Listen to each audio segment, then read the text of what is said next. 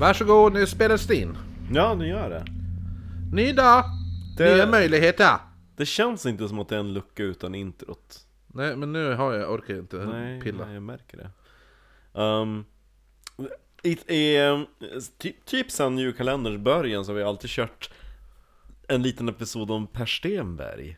Alltså du Han den där gubbe. Umeåprästen. Ja. Han- ja, det är inte han den där som drog dåliga skämt. Han bara ah, jag kör, jag kör så, så sakta. Jaha, nej, du tänker på Sträling. Ja, just det. Ja, Per Stenberg, det var han som typ eh, skulle åderlåta sin piga. ja just det, han ja. Han som sa att du var så fet. Jag var fet har blivit med min piga, Ja. du, typ såhär, är du gravid? Hon bara, nej jag bara blivit fet Och så han som, han som fick åka till den där bonden i Vännäs så var det som typ såhär självkastrerat sig Jo, på jo, den där jo. släden Och nu har det ju visat sig så att jag Alla de här artiklarna jag skrivit nu De har ju blivit publicerade i något som heter Västerbotten för och nu. Mhm. Och han som har grundat det ehm, Är ju en av de som har sett till att de här texterna har blivit publicerade utav Per Stenberg. En professor vid universitetet. Okej.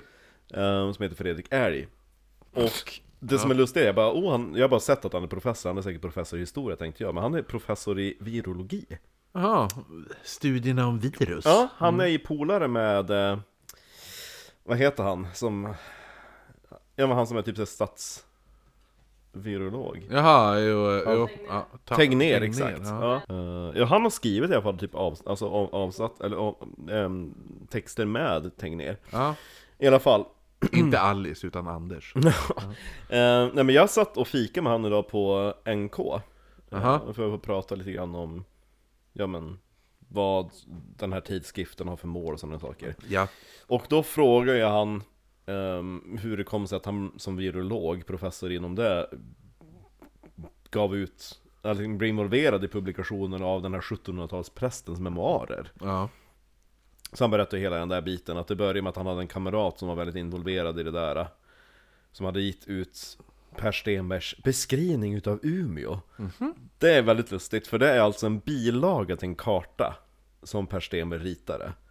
Och kartan är försvunnen, så det finns ju bara hans beskrivning. Okej. Typ en bilaga till en karta, typ såhär A. Tuva B. Sten. okej, ja, jo, så han bara, det är ju tört som fnöske, men är man typ nörd och vill veta hur Liljansberg såg ut på 1700-talet kan man ju läsa liksom bilagan till kartan. Bara, ah, det borde funnits typ en sten där.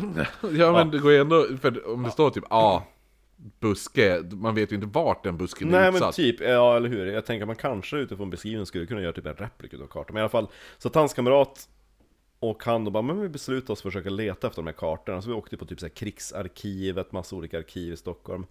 Och så stötte vi på de här eh, levnadsbeskrivningarna. Och då var det någon någon finne som på 70-talet började renskriva det där, men han orkade inte göra klart det.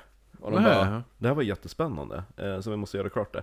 Men i alla fall, det som jag vill komma till som är spännande, det är ju hur de här texterna har överlevt. För Per Stenberg, han, han ville ju att de skulle komma allmänheten till nytta efter hans död. Så att han, eh, han angav i sitt testament att det skulle typ stanna hos den äldste sonen, eller hos den som typ bodde mest centralt till, så att så många som möjligt skulle kunna komma och studera de här eh, dag, dagböckerna. Ja. Och efter Per Stenbergs död så hamnade de hos hans äldste son som var lantmätare och bodde ute på Haga på en stor gård där. Och den gården brann ner typ 1800, vad kan det ha varit? 40 eller 50 där kring. Yeah. Eh, eller 1860 borde det varit för då typ, det fanns dagstidningar i Umeå, Umeåbladet, och de skrev om den här branden. Och då stod det att i branden så omkom en man, lantmätare Stenberg, alltså han som ägde Alltså sonen? Ja, Ja. för han hade sprungit upp på vinden för att rädda de här Jaha. kartorna och dagböckerna. Han hade varit där uppe och kastat ut dem.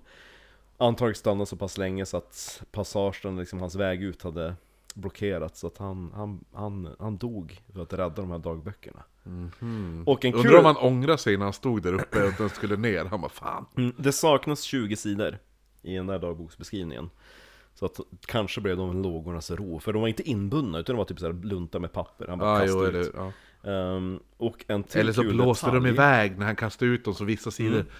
Ja, eller hur? En kul detalj som den här professorn berättade för mig var att Att vissa grejer hade Per Stenmarck skrivit ner, han bara Fast det här vill jag inte att det ska publiceras vidare Jaha, vad var det då? Ja, han bara, det sket ju vi i, vi redan skrev alltihop och publicerade det Ja, jo. Vi har satt in det inom typ så här brackets i böckerna Jaha, Det okej, är ja. liksom sektioner som Per Stenmarck inte ville skulle bli Inom parentes. publicerade Coolt. Så jag ska gräva lite i det där, men ehm, Så det kan, det kan vara lite så här blodat tänd Tänk om det är såhär, inom parenteses, hans onani. Jag lovar, jag lovar, jag lovar garanterat Igår kväll så sjönk jag. Nej det är inte, men jag lovar garanterat att den där punghistorien jo, är inom bracket, det Jo, känns jo. som det Ja, men det var, det var ju lite kul. Då får du, Ja, ja, får höra mer om han sen, antar jag. ja Per Stenberg, är inte jul utan Per Stenberg Nej, han dyker nog upp någon dag. Ja.